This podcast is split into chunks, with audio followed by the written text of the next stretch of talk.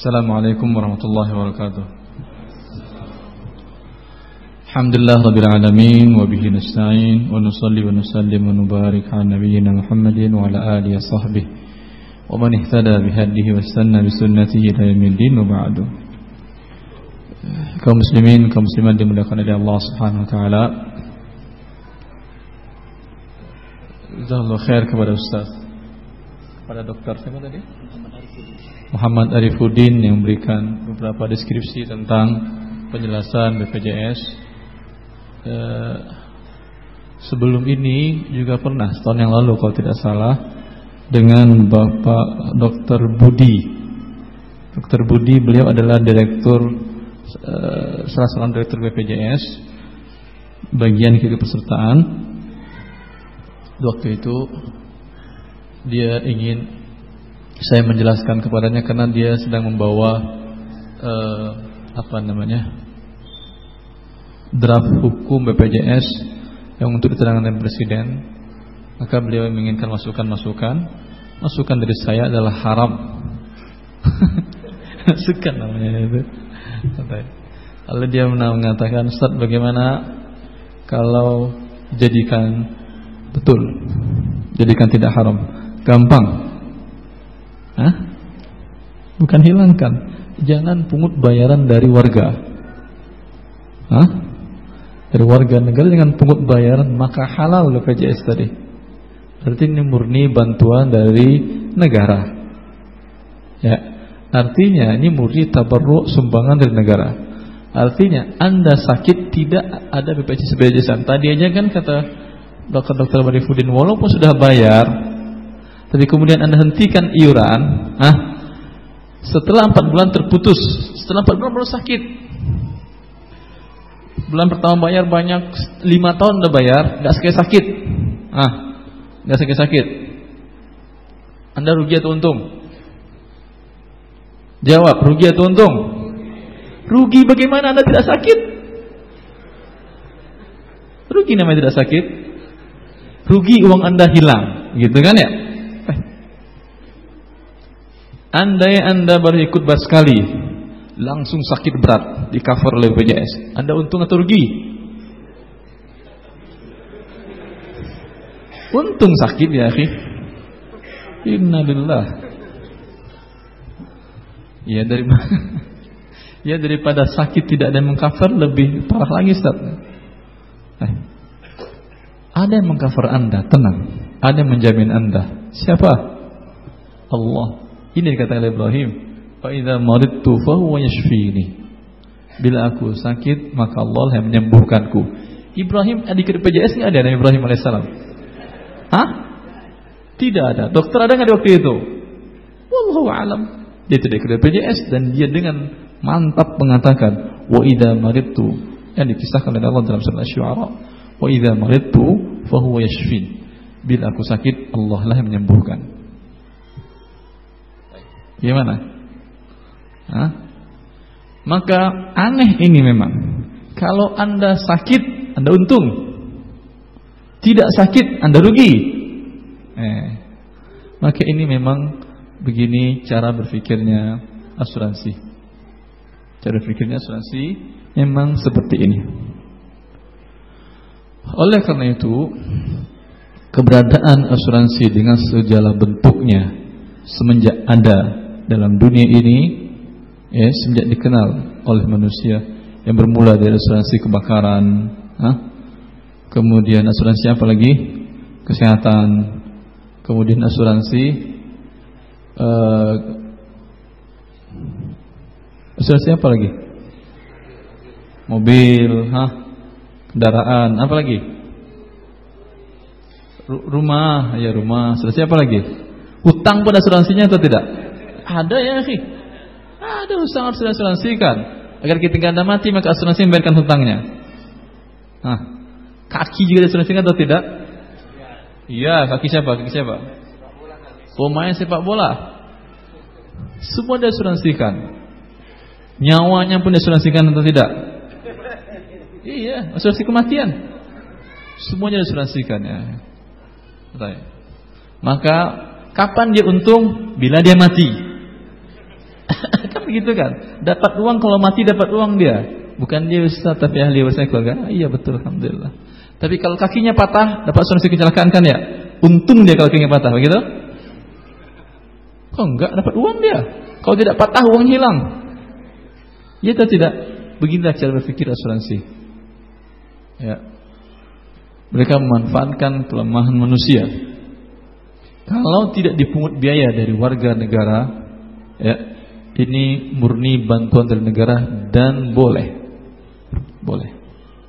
Pertanyaannya, mungkinkah negara kita menerapkan asuransi tanpa ada dipungut bayaran dari warganya? Hah? Siapa yang bisa jawab? Mungkin, tidak mungkin gak ada masalah. Anda bilang mungkin, bagus.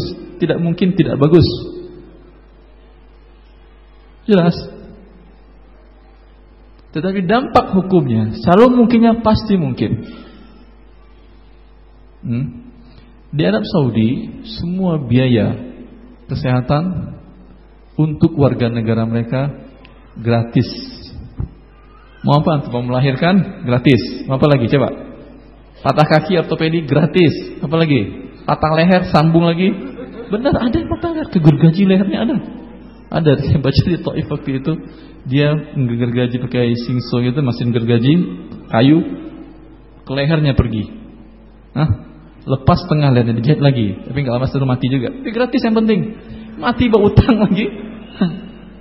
Kalau melahirkan ya, melahirkan gratis. Itu sampai orang asing. Orang asing dari Saudi rumah sakit pemerintah melahirkan gratis. Kalau rumah sakit swasta bayarannya dulu sehingga saya 4.500 real kalau normal kali tiga, ah, sekitar 15, ya, 14 juta setengah ya. Ada 13 juta 500 itu kalau normal biaya melahirkan. Di sini biaya melahirkan berapa? Ada yang gratis kan ya? Nggak ada yang gratis nggak ada. Oh, di sana gratis dan diberikan eh, pampers diberikan apa? Dia pers diberikan baju. Senang mereka orang punya anak nggak tahu dia di Indonesia. Ala kulli hal gratis, semuanya gratis. Mungkin Anda mengatakan Ustaz, mereka negaranya kaya. Gitu kali ya? Hah? Minyaknya banyak. Eh? Baik. Saya katakan ini akhi, negara Anda jauh lebih kaya daripada negara mereka. Mereka punya minyak, iya betul. Tapi hanya di dalam bumi saja, di bawah saja. Kalau Anda di bawah juga ada minyak kan ya? Di atas juga ada minyak, kelapa sawit. Di muka orang pun berminyak. Subhanallah minyaknya banyak banget. Lebih kaya Anda daripada mereka. Tetapi bagaimana cara mengelola sebuah negara dengan bersih ini penting. Sumber daya alam pas anda lihat secara garis besar secara umum dan negara-negara kaum muslimin sumber daya alam diberikan oleh Allah cukup untuk kaum muslimin banyak. Ya. Ala kulli hal tinggal berapa menit Ustaz? Hah? 20 menit. Saya. Ala kulli hal maka asuransi semenjak kemunculan asuransi ini huh, telah diharamkan oleh para ulama.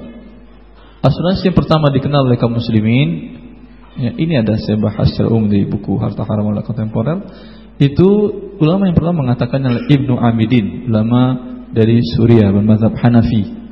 Ya. Di waktu itu terjadi perniagaan perdagangan antara kaum muslimin di Timur Tengah, Suriah, Damaskus dan sekitarnya Turki dengan negara kafir yang dekat di sana yaitu Italia. Hah? Maka ada di waktu itu dinamakan dengan Saukaroh. Saukaroh. Apa namanya? Apa namanya? Saukar. Apa artinya? Artinya wallahu alam. ya, artinya asuransi. Kan saya tanya kita bicara tentang, tentang asuransi. Artinya asuransi. Bagaimana bentuk saukaroh ini di waktu itu? Di waktu itu pedagang muslim yang ingin membawa barangnya ke negara kafir yang melewati laut apa di sana itu? Hah? Laut Tengah? Hah? Ya laut tengah kan ya? Iya. Mediterania apa Medi Eh ya laut tengah kan? Hah? Iya basarnya Al-Bahrul Asad. Bahasa Indonesia-nya laut tengah.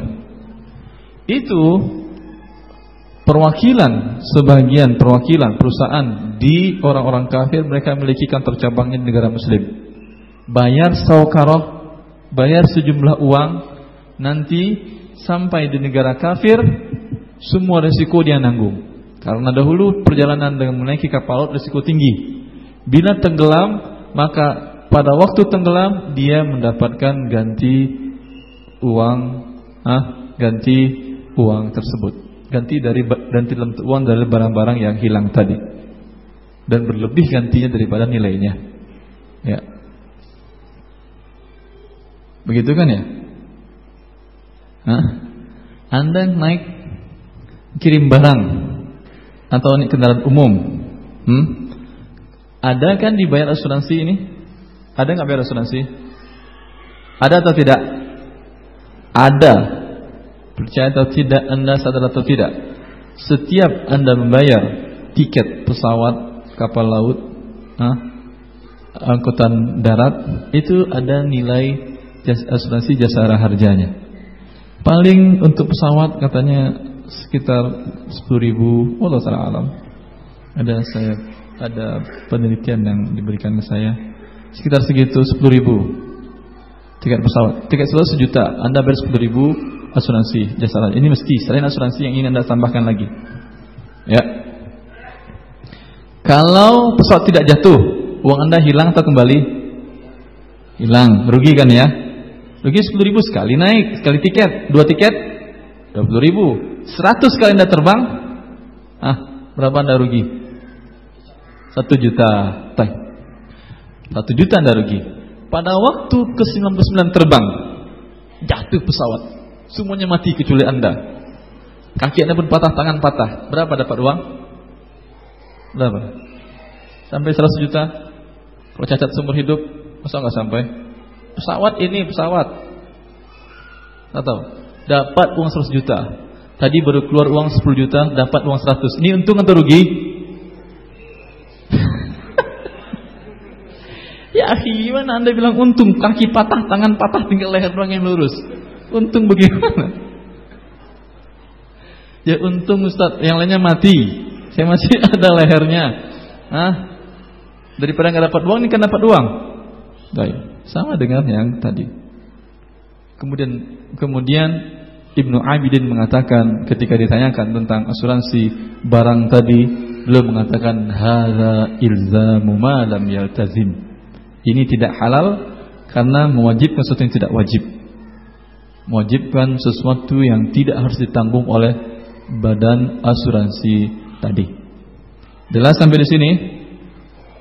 Dia mengandung unsur dan fatwa kedua dari Rabitul Alam Islami dan fatwa dari OKI divisi fikih OKI dan divisi fikih lembaga Rabiul Muslimin tadi lama sudah fatwa tahun 1981 82 mereka kan fatwakan bahwasanya asuransi dengan seluruh bentuknya adalah haram.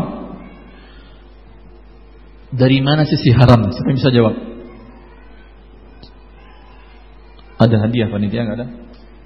Ada hadiah tidak ada hadiah. Baik. Saya bisa jawab tidak ada hadiah. Silakan. Dari mana Anda mengetahui bahwa ini haram? Hah? Tidak pasti tidak pasti itu haram. Hah? Anda udah nikah atau belum? Jawab. Kapan Anda nikah? Tidak pasti juga. Eh, haram berarti. Cari sekarang, lepas tidak haram, cari sekarang. Pastikan kapan Anda menikah agar tidak haram. Siap?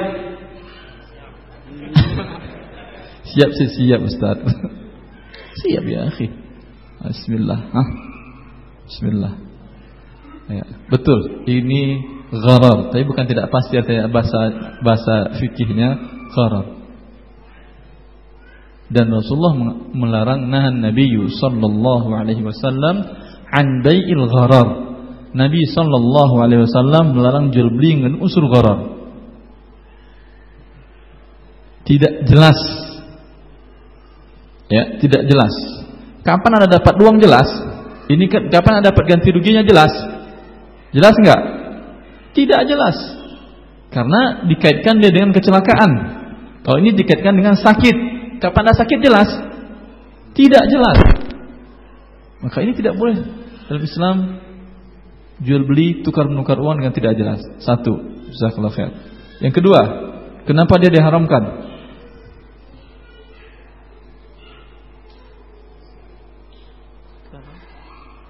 Judi. Gharar sama dengan judi tadi. Judi betul.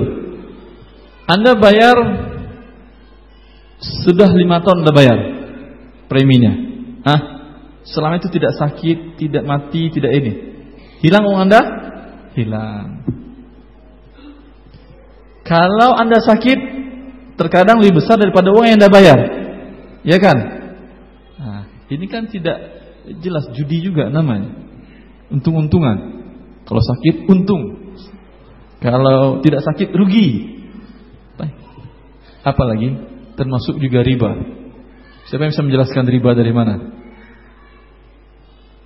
Yang bisa menjelaskan riba dari mana? Nanti ada hadiah dari panitia. Ada kan dia? Ah, tidak ada. Tidak ada hadiah ternyata. Bismillah. Ah? Bismillah. Yang bisa menjelaskan? Fadl. Riba dari mana? Satu. Telat bayar didenda. Eh, hey. begitu di BPJS begitu? Iya. Semangat banget. Iya. iya ini riba, Syekh. Bukankah riba janji seperti itu? Anzirni azidka. Telat yang bayar hutangnya, tanggung jawab kewajibannya, maka beri saya masa tangguh, saya tambah. Itu dengan ikhlas dia mengatakan itu orang jahiliyah. Riba aja seperti itu. Dia beli barang atau minjam uang, terlambat mengangsung bayar kewajibannya. Ah, maka dia harus membayar kewajiban ditambah dengan bunga pertambahan atau ribanya. Ini riba jahiliyah. Anzirni azidka. Anzirni azidka. Beri aku masa tangguh, akan ku tambah jumlah hutangku. Dan ini ada di BPJS. Iya kan?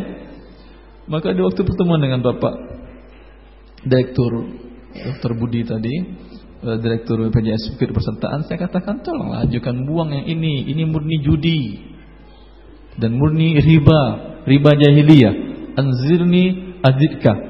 Beri aku masa tangguh akan ku tambah. Jadi jahiliyah dari dulu sampai sekarang itu. Satu riba. Riba yang kedua saya bisa menjelaskan. Riba yang kedua saya bisa menjelaskannya.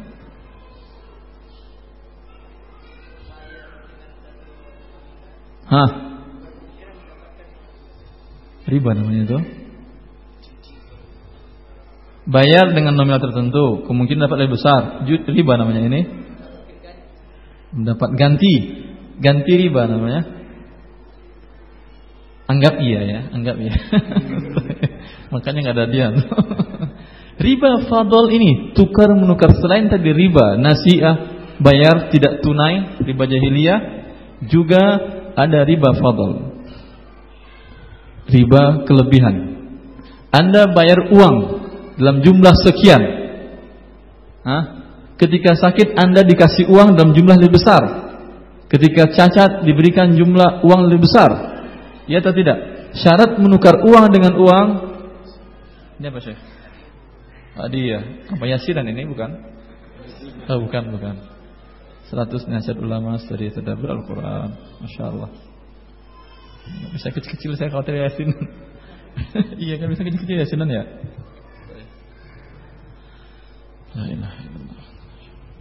Riba yang kedua, dia bayar uang umpamanya selama sekian waktu sudah bernilai satu juta.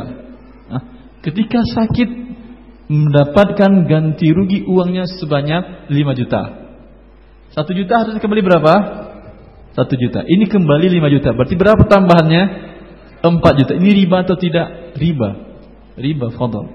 Riba nasiah tidak tunai juga dan riba fadl. Termasuk riba dan termasuk judi.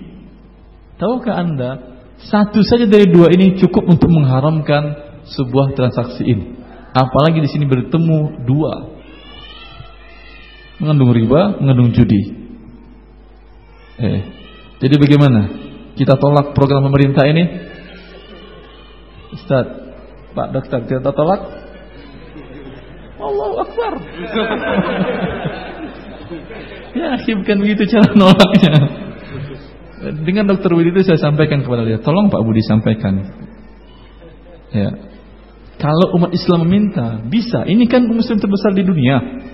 Masa anda begitu doang nggak bisa? Hah? Masa nggak bisa ya? Minta ini jadi syariah jadi bebas riba saja dan judi tidak bisa. Apalagi minta undang-undang jadi syariah semuanya. Bisa atau tidak? Berani atau tidak? Intinya berani atau tidak Anda? Hah? Berani atau tidak? Masing-masing sesuai dengan kemampuannya. Yang dokter tanggung jawabnya lebih berat. Kita hanya menyampaikan saja. Tanggung jawabnya dia.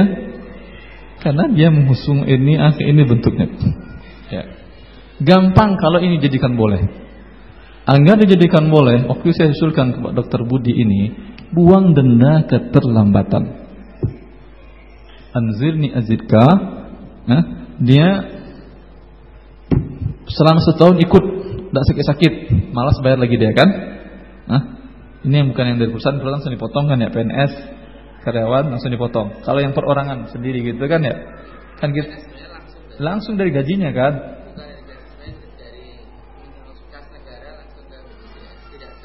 Tapi kan dipot dari masukin bagian dari gajinya?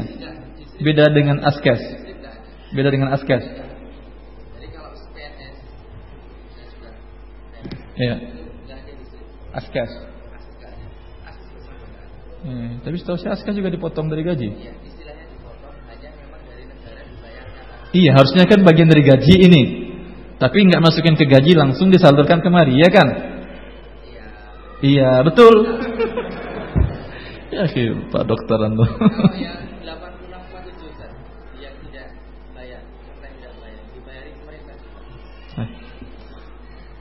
Bukan dipotong dari gaji juga?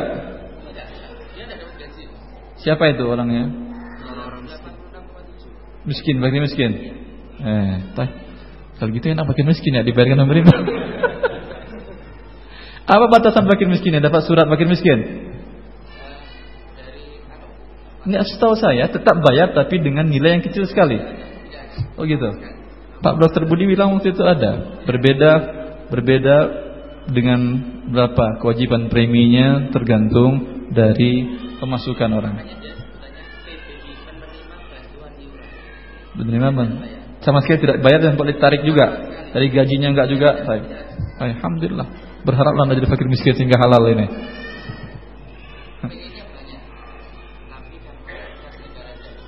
Sebentar, 86% negara bayarin. 86 juta. Eh, 66,7 juta. juta. Ini mereka tidak bayar. Sama sekali. Kenapa? Karena mereka fakir miskin. Masa banyak banget orang fakir miskin Indonesia 86 juta? Sebenarnya lebih banyak. Tapi kemampuan negara hanya 86,7. Eh, terima kasih atas masukan ini. Mungkin bisa mengubah hukumnya. Ini dari mana Anda dapatkan sumbernya? Sumbernya dari mana Pak Arif? Ada di Undang-Undang Sistem Jaminan Sosial Nasional 2004 Baik. Yang 86 juta orangnya siapa saja? Kita termasuk nggak nih? Kau cuma ngomong dong ngapain?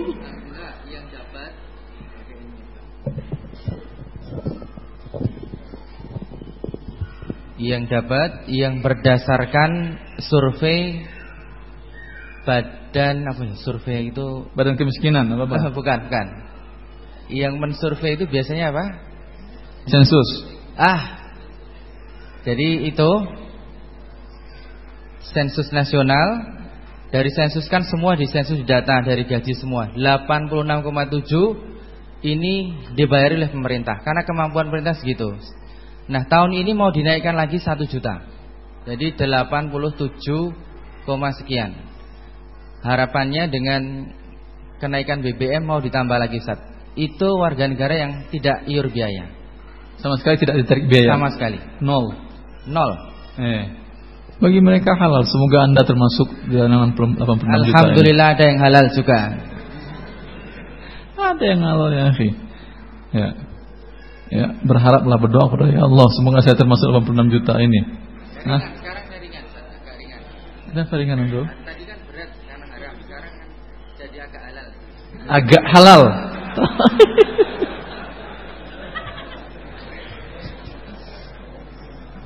Apa boleh buat? Berarti tinggal di kan 250 juta warga negara Indonesia ya. Tinggal ah 190 juta 180 juta yang haram antum. 170 juta. Yang haram antum berarti ya? Ringan sedikit lah. Tadi kan berkurang 86 juta. Ringan sedikit. Yang PNS dan TNI Polri ya dipotong gaji atau dibayarkan oleh negara gimana? ah, Dipotong gaji. Ya. Jazakallah khair. Ini saya baru dapat informasi. Terima kasih Pak Arifuddin Kalau ada 86 juta yang diberikan oleh negara Ya. Yang TNI, Polri Kemudian juga pegawai negeri Ini kan diberikan oleh negara. Iya, dibayarkan Ya. oleh negara. Dan dari gaji mereka kan? Makanya eh, terminologi dibayarkan oleh negara atau gaji ini gimana, Ustaz? Karena Artinya kalau ini gaji- kalau dia tidak ikut itu Penuh kan gajinya Tidak berkurang. Anak-anak Anak-anak lahir belum naik. Ibu-ibu tolong anak-anak dipegangin di tangga Belum dijamin itu. Nanti nggak belum dapat BPJS kasihan.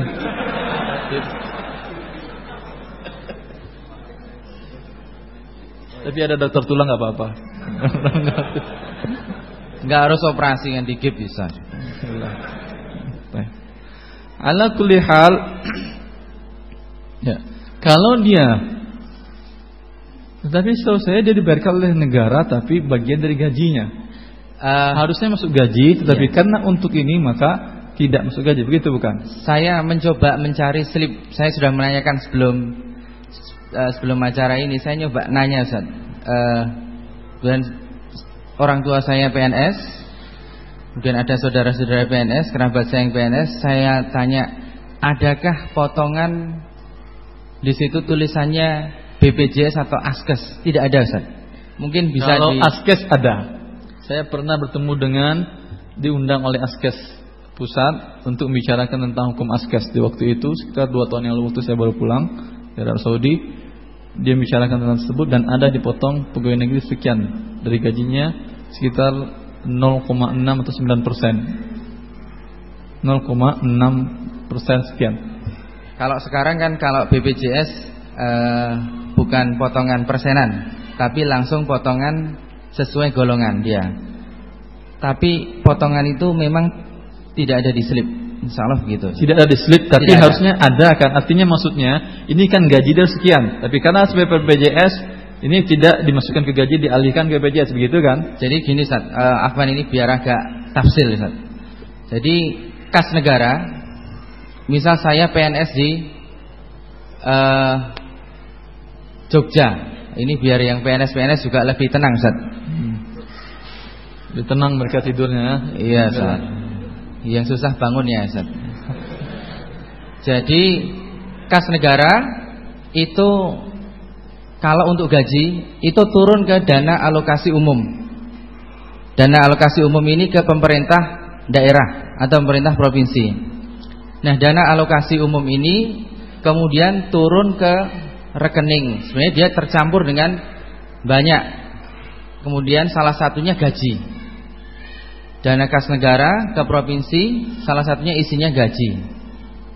Nah, kalau BPJS ini kas negara langsung ke BPJS, bukan lewat Tidak dana lewat- alokasi umum. Eh, alokasi umum. Bukan turun ke peserta kemudian dipotong, akan tetapi dari kas negara langsung ke Artinya badan kalau penyelenggara. tidak disalurkan ke BPJS, Anda tidak ada BPJS. Ini masuk nggak ke, ke ke gaji pegawai? Ya tidak pernah ada sejak dahulu selalu turunnya ke Askes atau ke BPJS. Iya pertanyaan saya, kalau tidak ada askes, tidak ada BPJS, masuk ke rekening pegawai atau tidak? Ini hak pegawai kan? Itu tidak pernah terjadi Ustaz. Jadi semua pegawai negeri itu selalu as askes kalau zaman dahulu. Kalau sekarang semua PNS selalu BPJS. Jadi tidak ada uh, pegawai negeri yang bukan peserta akses tidak ada. Iya tidak ada karena dipaksa dia. Karena langsung dalam akadnya langsung masuk seperti itu tidak bisa diberikan pilihan. Ala kulli hal ini mungkin temuan baru nanti insya Allah siapa tahu ada perubahan ya. Kalau di di sebagian negara ya seperti Arab Saudi asal anda warga negara ah, melahirkan Mau lima, eh, lima enggak boleh. Empat, lima boleh. Ya. Istri yang keempat kembar anaknya. Sekali melahirkan lima ah, anak gratis dan tidak dipotong dari gaji. Rumah sakit mendapatkan biaya ganti melahirkan dari mana, Ustaz? Dari Allah. Tidak begitu, Ustaz. Enggak uh, ini di Arab Saudi bukan di Indonesia. Iya, betul. Di Arab Saudi hmm. semua adik saya dulu kan satu universitas dengan Ustaz. Ya. Uh, dua-duanya melahirkan di Riyadh juga dan ya. dua-duanya gratis. Ya. Kelas 1 sesuai dengan sesuai dengan golongan S3 waktu itu kan eh, itu melahirkan. Belakangan ada perubahan. Oh ya. Oh, Tapi tadi antum datang sudah ada berubah. Oh gitu. Ya, ya. Itu dua-duanya melahirkan di Riyadh dan sesuai dengan kelasnya. Kalau dia mahasiswa uh, asing kelas 1. Nah, rumah sakit itu dia akan mengklaimkan ke pemerintah Ustaz. Kan ini warga negara asing. Dari mana rumah sakit mendapatkan ganti untuk warga negara asing? Dia nanti mengklaim ke pemerintah Saudi, kerajaan Terus? Saudi Ustaz. Ya, kan dibayarkan negara berarti. Ya, sama tadi juga dibayarkan negara yang askes tadi Ustaz, ya, tapi pemerintah. Itu untuk yang warga tadi.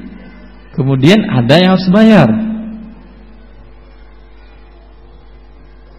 Kan enggak untuk yang ini, untuk di Indonesia yang BPJS ini ada yang harus bayar kan? Kalau dia bukan pegawai negeri, bukan pegawai swasta, nah, itu yang biasa. ketiga tadi tadi yang ketiga Ustaz. Yang ketiga Kalau dia yang bayar kan? Harus bayar. Ya. Kalau yang ini kan dibayarkan oleh negara atau perusahaannya. Nah, perusahaannya betul Ustaz. Ya, wajib perusahaannya membayar kalau tidak dicabut surat izin usahanya. Iya. Ya, surat cabut surat izin usahanya. Dan ini adalah hak dari karyawan tersebut. Harusnya bagian dari haknya dia, tapi karena dipotong tidak. Kan dipotong langsung tidak diserahkan kepada dia. Ya, maksudnya kan haknya dia kan. Harusnya ini dalam logikanya kalau tidak ada BPJS, tidak ada rumah eh, yang seperti ini, dia dapat penuh kan? Kan haknya dia. Kalau untuk yang pegawai negeri dan swasta tadi pegawai negeri dan TNI Polri, Ustaz. Iya, swasta kalau swasta kan dibayarkan oleh perusahaannya. Swasta beda lagi, Ustaz.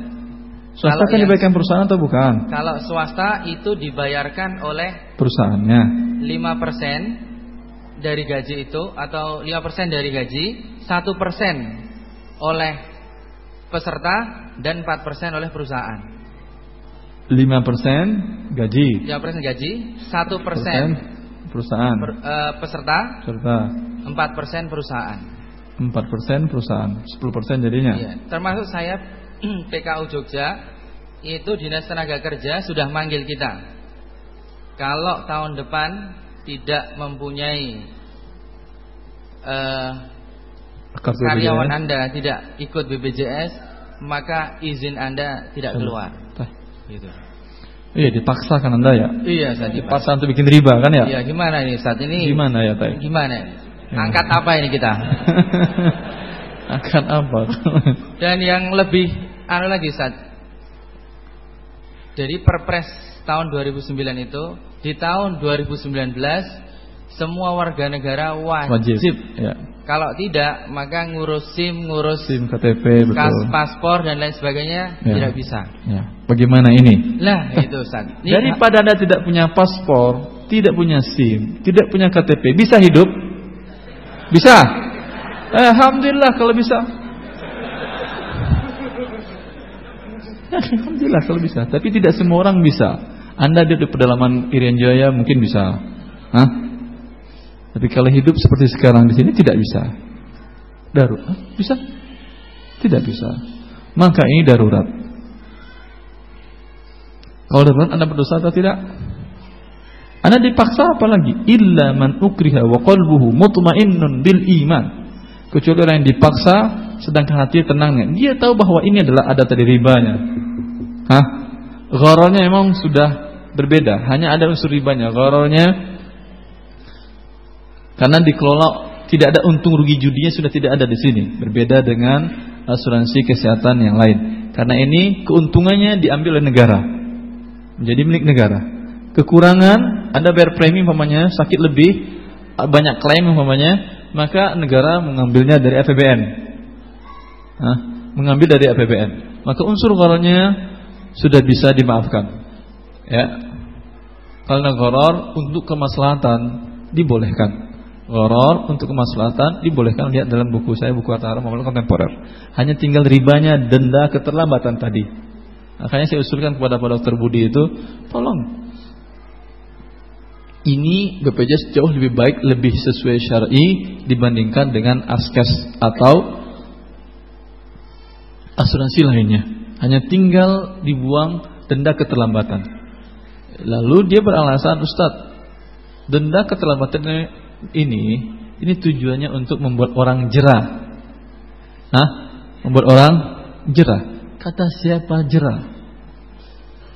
Kalau dia perkirakan dia akan mati, hah?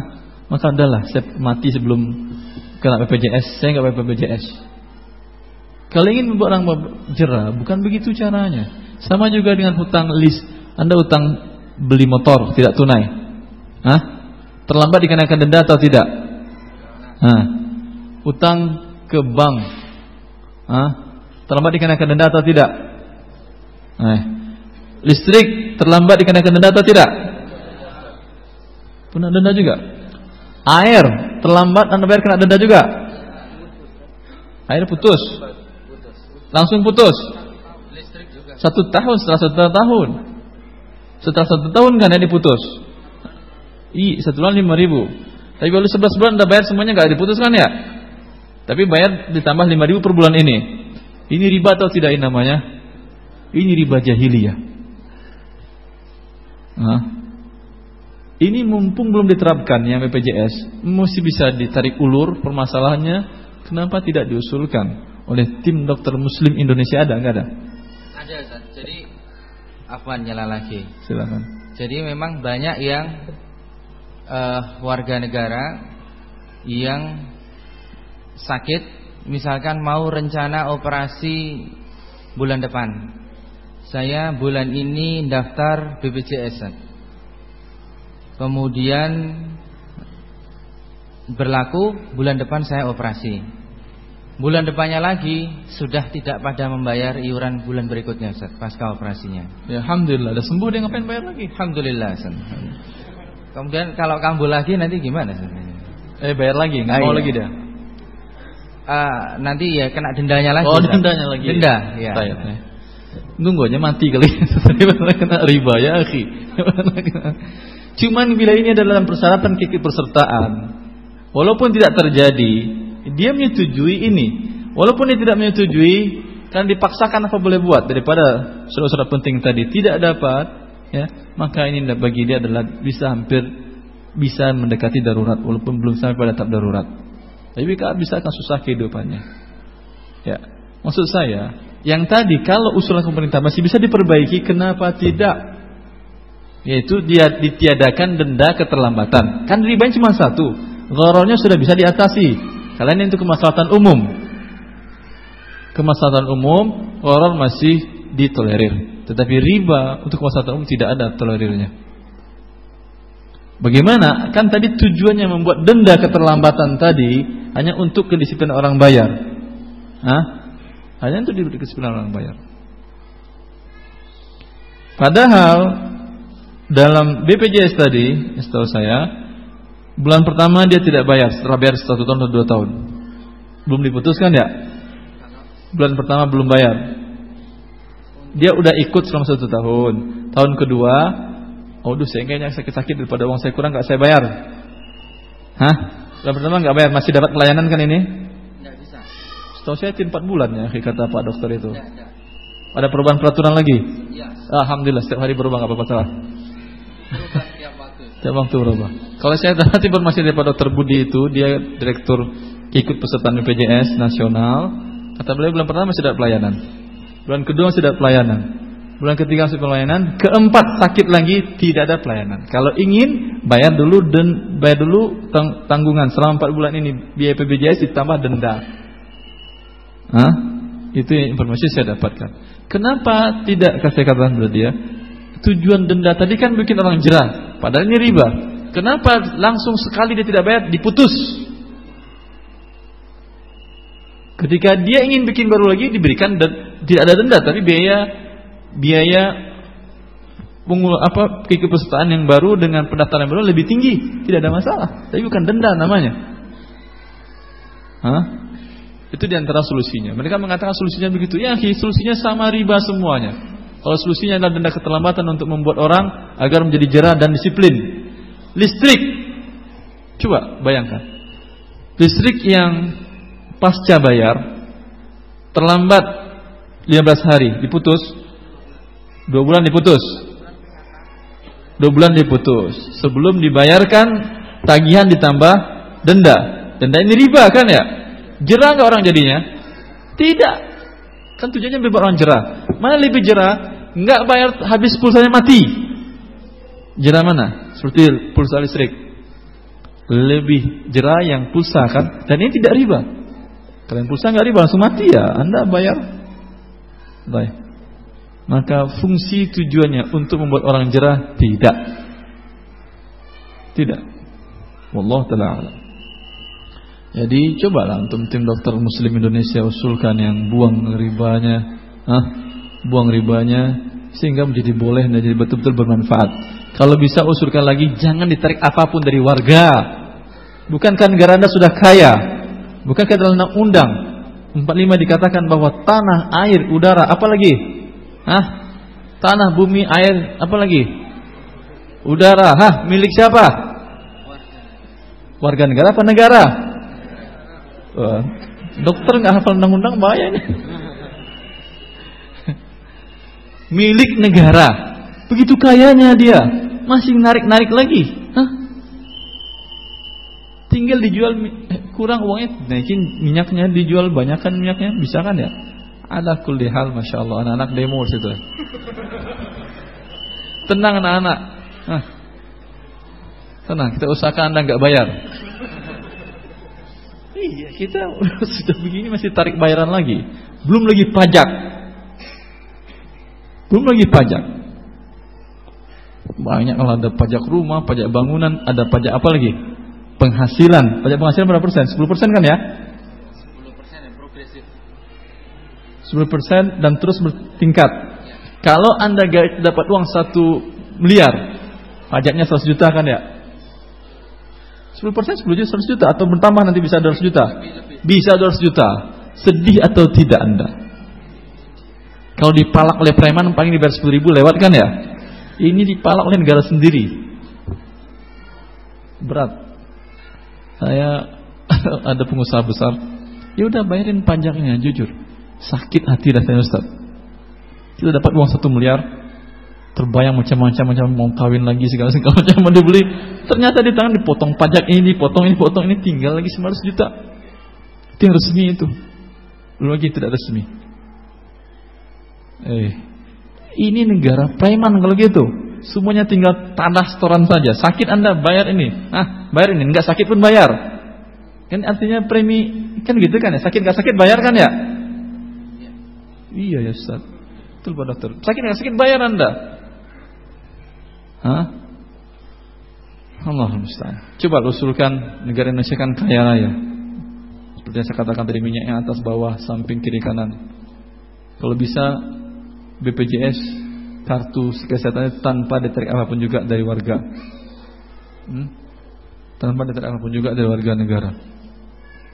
Sehingga negara betul-betul melayani, betul-betul melayani setiap warganya dengan kekayaan yang diberikan oleh Allah Subhanahu wa taala kepadanya. Lewat waktunya. Baik, jazakallahu khair. Assalamualaikum warahmatullahi Waalaikumsalam warahmatullahi wabarakatuh.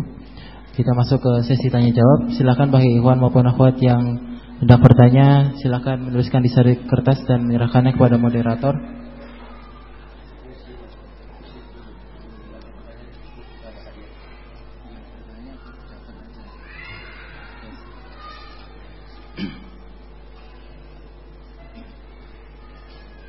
Uh, pertanyaan, uh, BPJS bisa halal jika kita tidak membayar. Pertanyaan saya, jika saya dibayari oleh instansi di mana saya bekerja, apakah BPJS tersebut bisa halal? Catatan gaji saya tidak dipotong.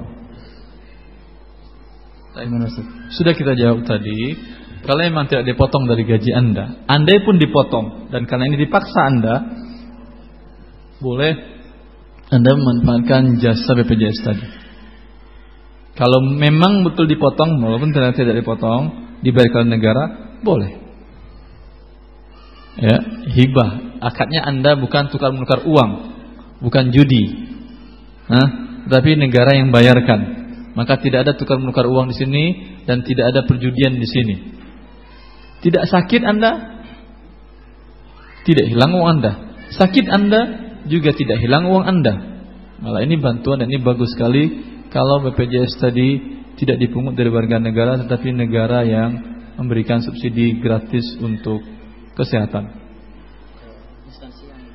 Ah? Tapi tidak dipotong gaji. Tidak dipotong gaji tidak masalah. Hadiah namanya boleh. Hadiah. Karena hadiah boleh mengandung goror. Hadiah boleh mengandung goror? Boleh. Ini buku untuk siapa ini? Siapa yang bisa jawab? Goror atau tidak? Kok tidak goror? Goror. Kan tidak jelas buat siapanya, ya kan? Tidak goror. Walaupun tidak goror, tidak boleh sekarang belum boleh nanti. Jadi kalau dibayarkan instansi tanpa dipotong gaji berarti masuk eh, hadiah. Boleh. Hadiah. Masuk hadiah boleh, walaupun ada ribanya pun boleh. Ya, ada pertanyaan dari seorang dokter, Ustaz. Uh, dengan kapasitas sebagai seorang dokter, apakah boleh ikut program BPJS di mana sistem kurang jelas uh, suara Jauhkan dikit suara yang terdengar. Ada pertanyaan dari seorang dokter, Ustaz. Uh, dengan kapasitas sebagai seorang dokter, apakah boleh ikut program BPJS di mana sistem yang berlaku untuk dokter tidak sama dengan yang berlaku untuk calon peserta BPJS? Yang berlaku di dokter adalah jika seorang dokter mendaftar mengikuti program BPJS, maka dia akan mempunyai cakupan peserta yang diminta diobati oleh dokter tersebut. Tiap pemeriksaan satu pasien klaimnya adalah sekitar Rp6.000 jika dokter tersebut mempunyai Sebentar, saya yang bertanya dokternya mana dokternya ini? Laki perempuan ini dokternya? Eh. saya, saya bantu. Bantu bantu baca dan jelaskan Pak. Pak Urip. Jadi uh, kalau saya dokter umum, saya dokter umum, Ustaz. Saya dokter uh, mau kerjasama dengan BPJS Klinik punya klinik gitu maksudnya atau apa? Uh, dokter keluarga bisa. Klinik, klinik gitu ataupun ya? klinik pun bisa. Ah. Bisa klinik, dokter bisa keluarga dokter itu dokter praktek di pribadi gitu ya. maksudnya. Baik. Kalau dia diterima kerjasama dengan BPJS tanda tangan, maka dia akan mendapatkan pasien 3000 Misalkan Kenapa langsung 3000 pasiennya? Banyak iya, banget. Minimal itu. Kalau nggak dapat 3000 diberikan jatah. Diberikan jatah 3000 rupiah ya, 3000 orang. 3000 orang. Dia diberi jatah. Kalau nggak sampai target Oh bukan, bukan gitu saat. Jadi misal saya dokter, di, saya kerjasama di BPJS, BPJS bilang, Dokter Arif, peserta Anda 3000. 3000 yang ada di sini ini. Jatahnya 3000. Ya, ini peserta Anda. Selagi 3000 terima. Gimana, Sat? Selagi masih jumlah 3000 terima. Bisa 5000, bisa 6000 jumlahnya. Enggak maksud saya, Anda terima yang 3000. Tinggal dapat kapitasi umpamanya uang sekian. Iya kali 6000. Pada saat 3000 satu orang lagi nggak bisa lagi kan. Pulang-pulang pulang. Gitu diusir pasiennya? Uh, iya. Kalau dia PBI, kalau dia yang dibiayai oleh negara tidak boleh ditolak. Eh, walaupun lewat kapitasi tadi 3000 tadi. Di luar itu tetap harus diterima. Dari BPJS juga. Kalau dia yang ya kategori miskin tadi saja. Kan ada tiga jenis tadi ada yang miskin dibayar pemerintah, PNS TNI Polri dan yang mandiri. Kalau dia yang miskin ini walaupun tidak masuk kapitasi kita, dia periksa ke kita tidak boleh ditolak. Kalau yang ini. Tapi nanti bayaran dari negara nggak bertambah. Tidak. tidak tambah. Semuanya ini dengan ada seribu miskin yang baru tambah tiga ribu tadi negara cuma bayar tiga ribu. Iya kan? BPJS bayar 3000. Iya tiga ribu cuma dibayar BPJS. Iya. Artinya seribu nggak bayar. Kalau 1000 Oh enggak. Iya. Kok enggak? Ah, 3000 itu mau mis digabungkan, Ustaz. Ada yang miskin, ada yang PNS, ada yang mandiri. Iya. Sekarang kan batas maksimal jumlah pasiennya tiga ribu. Iya. Sudah terpenuhi tiga ribu. Ah. Sekarang ini per bulan kan ya? Iya. Ya. Masih ada setengah bulan lagi. Setengah bulan lagi masuk pasien 500 fakir miskin. Bukan bukan bukan jumlah pasien 3000 bukan, Ustaz. Anggota saya yang boleh Terdaftar. yang boleh periksa ke saya 3000 orang ini. Misalkan gitu. Iya, iya. Iya, jadi Di luar ini nggak boleh. di luar ini nggak boleh. Walaupun mau mati dia. Oh, kalau mati Silakan. ya ah. Kalau darurat rumah sakit Ustaz, bukan ke saya. Ada ya. Ini dokter umum kok. Harusnya ke dia karena tetangganya dekat. Oh, nggak masalah, nggak boleh ditolak tetap. Oh, iya. Tapi kalau dia batuk pilek, batuk pilek nih, eh apa namanya flu berat, tetap mari Pak sini silakan duduk. Tapi Bapak besok periksa ke sana. Oh ya, teh. Karena Bapak Sebentar, sebentar. anggota dokter sana, bukan anggota saya. Oh begitu. Iya, bukan partai saya itu, partai sana. Kalau dokter umum begitu, Ustaz. Jadi Ya, ya. kalau saya kerjasama dengan BPJS, anggota saya ya cuma ini aja. Iya, iya, ini anggota Anda semuanya. Iya lumayan nih potensi lumayan nih. Tapi ada dokter tulang, semua patah tulang semua. Oh enggak, kalau kalau spesialis tidak begitu, Ustaz. Oh. Spesialis di rumah sakit. Dokter umum. Dokter, Khusus untuk yang dokter umum, ya. Ustaz. Baik, Allah kelihatan. Di, di kepesertaan Tapi kalau dia terima 3000 rugi kan dia? Bisa rugi, bisa untung, Ustaz. Kalau 3000 sakit semua, buntung dia. Bukannya rugi. Iya. Rugi Baik, kan? Iya rugi. Rugi kan dokternya? Makanya dia harus Kalau yang daftar cuma tiga orang, untung kan dokternya? oh, untung besar. Judi atau tidak namanya dokter? Enggak itu. Maka Tapi ini angkat tuh, San. Ini dengan badan pemerintah ini gimana, San? Memang sistem pemerintah begitu, San. iya, tapi kan sekarang judi namanya ini. Ketika orang banyak sakit rugi dia. Dapatnya segitu juga pasiennya banyak. Ketika tidak ada orang sakit cuma satu yang datang ke dia, maka ketika datang orang yang berobat, dokter langsung pasang, udah pas ini kita lagi tinggal pasang mata gitu. Tapi ada Pulang kewajiban, kan, pulang pasiennya sehingga untung dia. Eh, nanti dia diputus kontrak tuh kalau Ya tapi udah untung nggak apa-apa. ya untung lah. Tapi dia Ustaz, 3000 anggotanya itu dia tidak cuman berkewajiban, makanya dia supaya untung itu harus promosi kesehatan, supaya eh, sikat gigi, supaya eh, buang air kecil yang sehat, sup- supaya dia tidak sakit Ustaz. Supaya tidak sakit iya, tapi siapa yang bisa walaupun dokter yang begitu disiplin hidupnya, sakit atau tidak dia? Sakit. Eh. Ustadz dilawan gimana sih?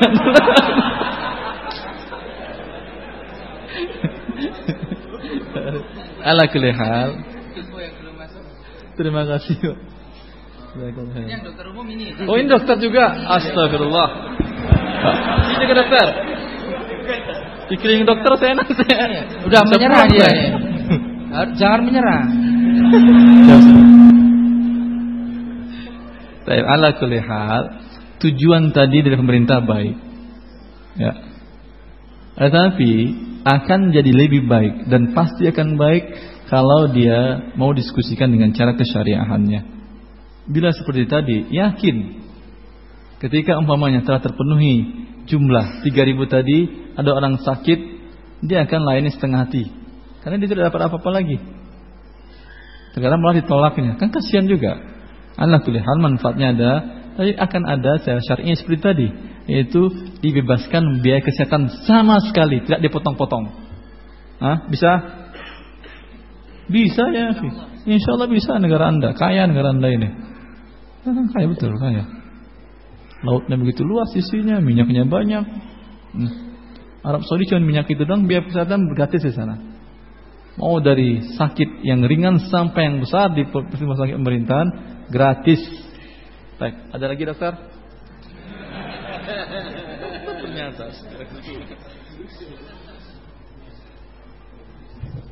Kalau yang jam kesda Ustaz. Jaminan kesehatan daerah itu per tahun Sleman ini Ustaz. Itu 130 ribu Apanya? Rupiah? rupiah per Ah, tahun.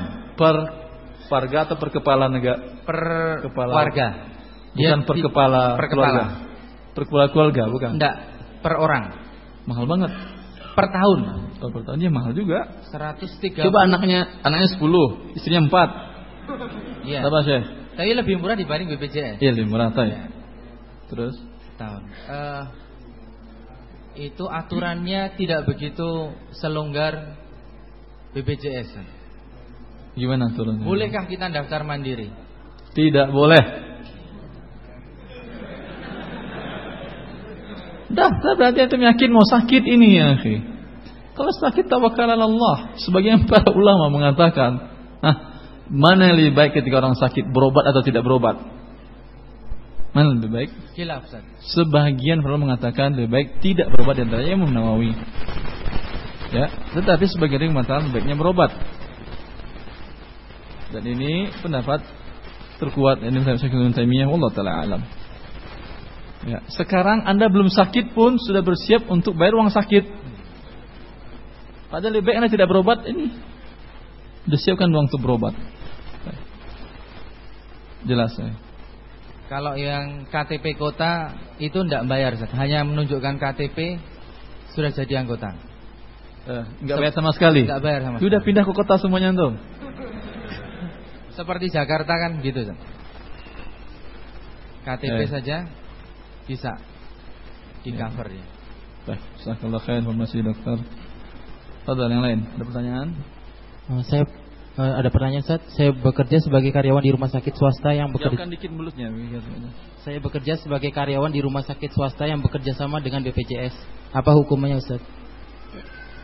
Kan panjang kan jadinya. Bagaimana karyawan rumah sakitnya? Dokternya itu harus kita jawab. Bagaimana kerja di BPJS-nya? Hah? Ala kulli hal yang berobat kepada Anda bisa yang BPJS bisa juga tidak. Bisa juga memang askes tadi yang memang jelas murni ribanya dan murni gharornya. Maka bolehkah Anda bekerja di rumah sakit yang menerima program ini? Dia bagian apa di rumah sakitnya? Bagian mengurus askesnya atau BPJS-nya atau apanya? Perawat. Tidak ada hubungan dengan itu kan ya? Tidak ada hubungan, hanya gajinya saja, insya Allah tidak ada masalah. Karena akan berlanjut terus ini. Ustaz, bukankah utang negara kita juga dengan riba? Bagaimana gaji para pegawai negeri dengan riba? Hah? Baik. Lebih panjang lagi. Kalau dia bukan yang mengurusnya langsung, insya Allah tidak ada masalah. Karena anda telah memberikan jasa yang halal. Ternyata diberikan gaji dengan cara akad riba yang dibuat oleh si pengguna gaji itu nggak ada masalah. Insya Allah tidak ada masalah. Wallahu taala alam. Pertanyaan selanjutnya, eh, jika ada anggota keluarga yang meninggal karena kecelakaan kemudian mendapatkan asuransi dari da- jasa rasa jasa harja, apakah boleh kita ambil uang eh, klaimnya Ustaz? Ini asuransi jasa harja. Kecelakaan Ya, yang mati siapa? anggota keluarganya. Eh, dapat dia berapa dapatnya? Mati di 25 juta. Murah banget nyawa orang. Kalau cuma patah 10 juta. Patah 10 juta. Allah berobatnya aja ada berapa? Berapa kantung berapa ortopedi? Ya moga-moga enggak sampai 10 juta. Ah masa? Iya tergantung patahnya. Iya patahnya hancur. Habis, kelindas. Kaki juga. Lebih. 10 juta buat pijit tulang aja sudah sampai 5 juta. Ala kulli hal, ya. Kalau jasa jasa jasa raharja tadi, dia kan dipungut biaya asuransinya dari mana? Jika dia beli tiket, ya. Bisa nggak dia menanyakan kepada jasa asuransi jasa raharja berapa sudah selama ini yang dia bayarkan? Hah? Kalau dia fakir miskin, keluarga fakir miskin ini, fakir miskin atau tidak dia? Raja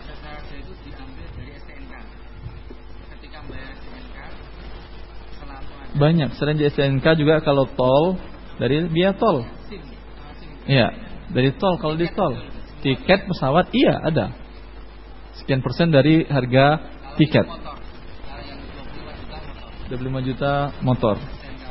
STNK motor. Baik. Dia sudah bayar berapa selama ini STNK ini dan biaya-biaya ke jasa jasa jasa jasa raharja? Bisa diperkirakan sejumlah jumlah itu halal. Anda yang umpamanya sudah memiliki STNK motor selama sekian tahun, kalikan saja. Berapa asuransi dari STNK tadi? Tanyakan. Ah, kalikan. Andai masih sama dengan uang dia halal. Karena ini uang dia. Jelas ini? Ah, bila berlebih baru pertama kali bayar asuransi jasa raja melalui SNK tadi ketabrak motor dan mati dia paling baru bayar 500 ribu dapat uang 25 juta berarti 24 juta 500 tidak halal bagi dia karena ini ada riba jika menukar uang tidak sama lalu diapain uang 24 juta 500 ini Hah? diberikan kepada fakir miskin jika dia dan keluarganya fakir miskin jangan jauh-jauh Alhamdulillah Syukur kepada Allah, Anda fakir miskin. Jelas? Eh, gampang kan jawabannya? Yang penting Anda miskin halal semuanya. Nah, ada pertanyaan lagi, Ustaz. Uh, anak peserta BPJS mandiri saat bayar tiap bulan, tapi anak berusaha bayarnya tidak telat biar tidak ada denda. Apakah ini bisa seperti bayar listrik, Ustaz? Dia sekarang kan belum diwajibkan, 2019 belum diwajibkan kan ya. Sekarang Anda ikut walaupun yakin tidak telat, tapi persyaratan ini ada. Anda setuju atau tidak? Tidak dalam hati Ustaz. Lalu tidak, tapi dalam ketika aplikasinya kan ada. Nah, tanda tangan ini itu artinya setuju. Ini sama juga dengan Anda menggunakan kartu kredit. Kalau terlambat membayar tak apa angsuran akan dikenakan denda 0, sekitar 2,8% per bulan maka Oki memutuskan walaupun dia yakin tidak terlambat tapi ada persyaratan ini persyaratan riba menyetujui ini menyetujui riba Allah mengatakan wa halallahu al-bai'a wa harrama riba Allah menghalalkan jual beli dan mengharamkan riba Anda setuju riba tanda tangan Uf saya setuju sudah berdosa atau tidak berdosa dari awal belum Anda pun belum terkena riba terima uang ribanya maka selagi belum diwajibkan sekarang tidak boleh Anda mengikuti BPJS ini yang sekarang sebelum ada perubahan. Kalau sudah dirubah denda keterlambatan ditiadakan, insya Allah. Baik.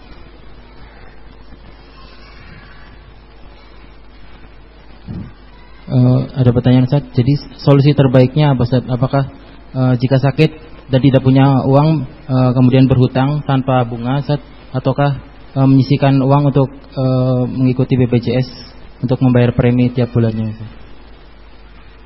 Solusi terbaiknya bagaimana? Sekarang Anda sehat atau sakit? Ya udah jangan ikut. Jangan ikut. Sakit baru ikut. Bisa kan dapat pelayanan? Masuk. Karena sakit Anda tidak mampu berobat, sakitnya berat dan tidak mampu berobat. Sekarang kan fakir miskin kan ya? Ya atau tidak?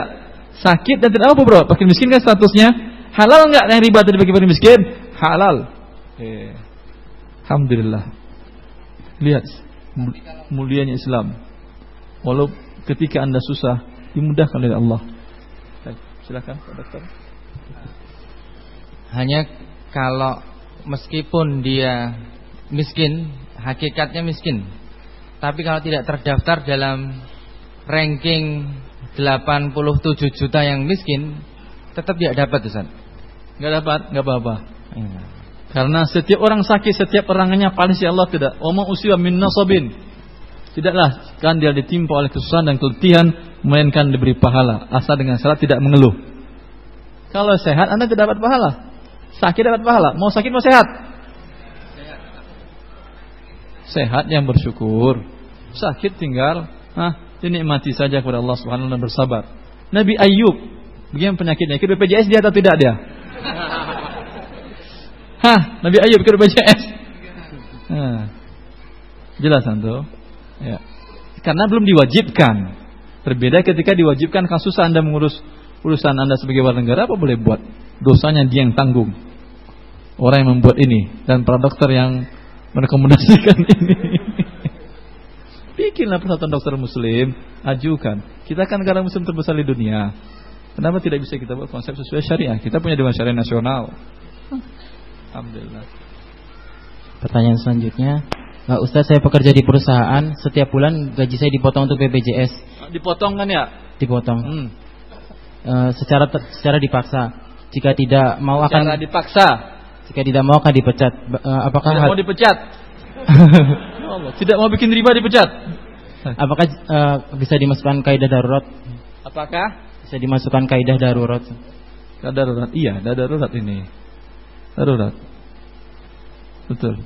Karena lari pun ada dari perusahaan ini, sebentar lagi negara mewajibkan. Tidak ikut BPJS, Anda nggak bisa dikasih ini, dikasih KTP, dikasih ini, nggak dikasih ini. Bisa hidup lagi? Jadi buron Anda hidup. Nah, boleh ini insyaallah taala. Nah, cuman sebatas mana dia boleh memanfaatkan jasa BPJS tadi sebesar uang dia yang dipotong. Itu haknya dia, uangnya dia. Cukup? Lanjut. Ustaz. Uh, ap- apakah ulama empat mazhab sepakat dengan hukum haramnya asuransi? Ulangi apa? Apakah? Apakah ulama empat mazhab sepakat dengan haramnya asuransi? Asuransi haram bukan empat mazhab yang mengharamkannya. Tapi 100 mazhab yang ada sekarang hah, mengharamkan seluruhnya asuransi yang konvensional tersebut. Kecuali saya sebutkan nama orang-orang yang asuransi mengatakan halal. Ada Oh Indonesia bukan ulama itu Ada Indonesia udah mati kemarin Siapa namanya? Siapa aja lah ya Dia mengatakan asuransi tidak apa Ada salah seorang ulama dari Mesir Hanya dia sendiri Dari ulama yang bersidang di Rabitul Alam Islami Dan di eh, Oki Semuanya mengharamkan asuransi. Dan bahkan Ibnu Abidin ini ulama mazhab Hanafi. Ulama mazhab Hanafi Bukan Syafi'i dia. Dia mempunyai kitab dalam mazhab Hanafi Hasyiah Ibn Abidin. Cetak dan di, ada dijual di pasaran. Itu dia mengharamkan asuransi semenjak awal kemunculannya tadi. Wabillahi taufik. Uh, Ustaz, saya memiliki lima orang karyawan. Kemudian pemerintah Tidak mewajibkan. jelas suaranya. Pak. Pe- Saya memiliki lima orang karyawan. Lima karyawan, Heeh. perempuan atau laki-laki ini. Tidak tahu sih. Eh, kalau yang empat perempuan istrinya dia berarti ya. Kemudian pemerintah mewajibkan saya untuk membayar jam sostek tanpa potong gaji. Kalau ini apa boleh ada? Tanpa potong gaji. Artinya tidak gaji kesepakatan antara Anda dengan karyawan sekian. Hah? Sekian.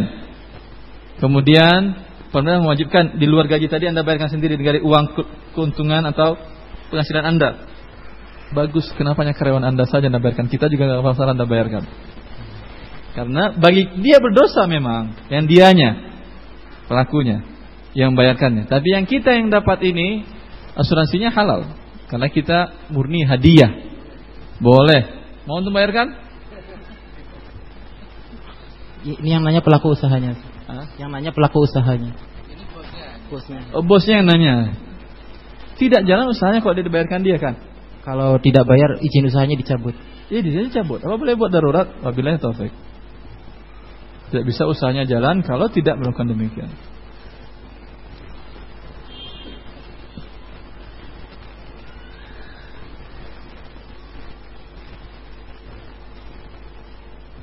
Apakah mem- uh, perusahaan yang membayar membayar karyawannya BPJS apakah termasuk tolong menolong dalam kejelekan? Apakah yang Perusahaan yang membayar BPJS termasuk tolong menolong dalam kejelekan? perusahaan ini dia diwajibkan oleh negara. Kalau tidak disebut izin usahanya, maka dia terpaksa. Orang terpaksa ah, tidak berdosa dia. Dia tidak berdosa. Dia cabut izin usahanya. Apa boleh buat? Ya, dan bagi karyawan yang memang dibayarkan oleh, oleh perusahaan tadi halal bagi dia menerima asuransi tadi. Jangan khawatir Anda tunggu saja kapan diajukan oleh negara. Ketika itu Anda ikut BPJS jadi halal. Cuman uangnya berapa Anda boleh Anda ambil sebesar uang yang Anda bayarkan pada waktu sebelumnya. Ketika dapat klaimnya lebih dari itu tidak boleh kecuali pada saat itu Anda fakir miskin, maka uang yang haram boleh bagi fakir miskin. Wabillahi taufik. Saya seorang karyawan di mana saya mendapatkan fasilitas kesehatan dari perusahaan. Setelah saya cari, cari tahu uang yang tersebut e, perusahaan ambil dari mana, ternyata diambil dari potong gaji kar- karyawan. eh, apakah jika saya sakit boleh eh, menggunakan fasilitas kesehatan tersebut? Boleh.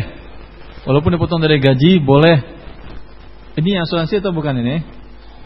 Cuman seperti klinik di perusahaan gitu. Cuman biayanya dari gaji karyawan. Perusahaan yang melakukan kesehatan langsung. Itu perusahaannya saya nggak ada, nggak ada masalah. Tapi dipotong gaji. Boleh. Kalau perusahaan yang melakukan kesehatan langsung, boleh.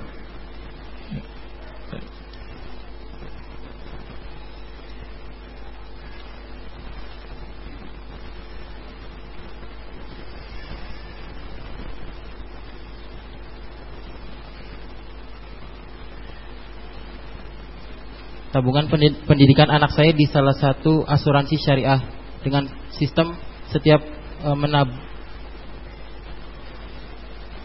uh, setiap uh, membayarkan uh, premi ada uh, ada sebagian yang dimasukkan dalam dana bersama di mana dana ini adalah untuk mengcover peserta yang terkena musibah dan itu dari awal perjanjian sudah diakadkan sebagai dana hibah. Sebagian tabungan dimasukkan dalam investasi di mana dalam jangka waktu uang tersebut akan bertambah nilainya karena harga saham naik. Tapi kalau harga saham turun maka nilai uang bisa jadi turun juga. Bagaimana hukumnya Ustaz? Ini asuransi pendidikan. Iya, asuransi pendidikan. Pendidikan di luar tema ya, yang lain, yang tema dulu.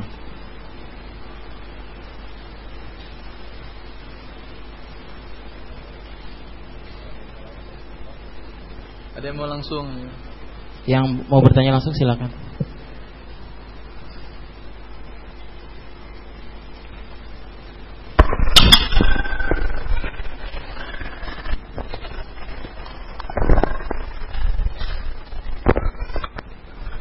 Bismillah. Uh, andekan di tahun 2015 nanti betul-betul diwajibkan BPJS, apakah kita istilahnya bisa menolak nggak seperti itu istilahnya? Bisa Saya apa? tetap bisa menolak istilahnya, tetap nggak bisa ikut gitu. Tidak nggak ikut? Uh, uh, apakah Nggak ada? KTP, nggak dapat SIM, nggak Oh. dapat kartu keluarga, bisa. Oh. Bisa, tapi tinggal di hutan Kalimantan. Oh. Enak di sana banyak gaharu, banyak bisa kaya Anda di sini. Terus kaitannya kita nggak boleh taat kepada pada yang yang menyelisih syariat itu gimana, Ustaz? Memang Anda tidak taat, tapi dipaksa ini. Illa man ukriha wa qalbuhu mutma'innun bil iman. Jadi yang dipaksa dan hatinya tenang dan keimanan. Ya, Eh, syukran, Ustaz. Allah Pertanyaan selanjutnya Ustaz, apakah denda yang tidak terbayar sama dengan hutang? Mana yang bertanya ini? Bantu maksudnya. Eh. Suaranya jauh banget tapi orangnya dekat. Jika denda tidak dibayar apakah termasuk hutang? Denda tidak dibayar bagus, halal. Termasuk pajak berarti. Hah? Termasuk pajak. Termasuk pajak yang tidak Anda bayar bagus dan halal. Tapi jangan salahkan saya kalau Anda masuk penjara. Hah? Betul. Karena denda secara hukum positif di negara mana pun, denda keterlambatan tidak bisa ditarik secara hukum. Dibawa ke pengadilan, pengadilan tidak akan mengakui denda itu. Hah? Sehingga biasanya siapa yang dikirim oleh pihak baik bank atau pihak ini untuk menarik denda dari Anda? Preman. Debt collector, preman. Gampang kalau preman yang diutus. Ketika dia datang, berikan air minum, berikan kue, ah, ajak ajak dia berzikir kepada Allah. Datang waktu sholat, ajak dia sholat. Gak bakal dia datang lagi ke rumah Anda.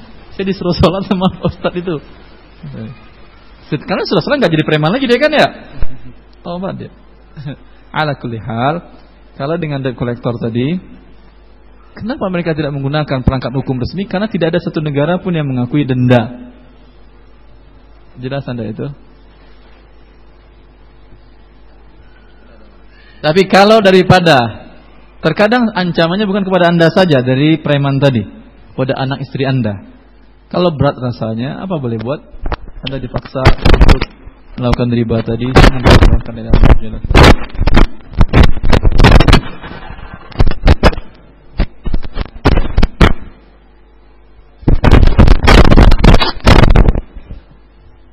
Pakai ini aja.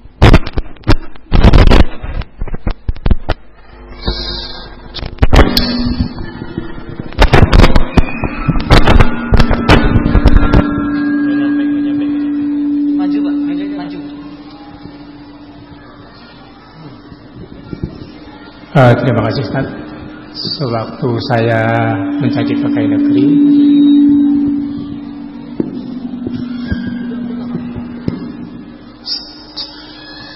sewaktu saya pegawai negeri membayar askes terus. Sebab sewaktu saya pegawai negeri itu membayar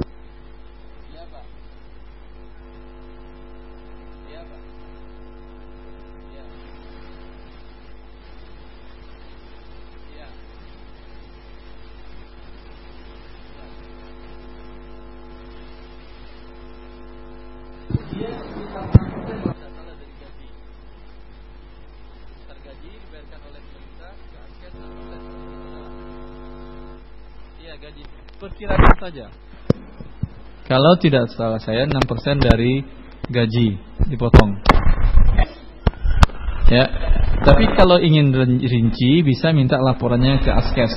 Nama saya sekian, nomor induk pegawai saya sekian, berapa selama ini saya sudah bayarkan premi. Sejumlah itu halal Anda mendapatkan pelayanan karena ini uang Anda. Dan hitung inflasinya.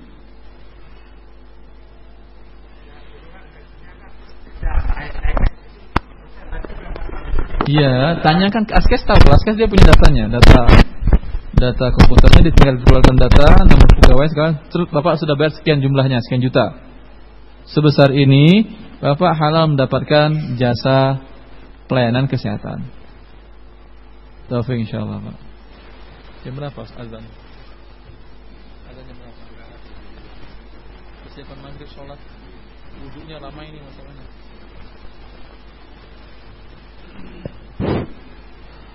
demikian uh, kajian kita pada kesempatan kali ini. Insya Allah akan dilanjutkan sesi tanya jawab setelah uh, sholat maghrib. Uh, wabillahi taufiq walhidayah assalamualaikum warahmatullahi wabarakatuh